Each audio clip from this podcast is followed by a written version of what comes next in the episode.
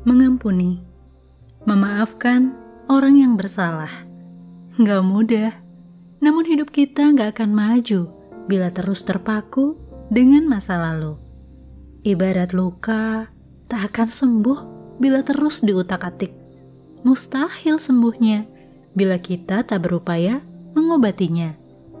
Memaafkan bukan tanda orang lemah, justru itu adalah tanda orang yang kuat. Merelakan seolah tidak menuntut orang lain membayar hutangnya. Mengampuni adalah langkah untuk membiarkan luka itu sembuh.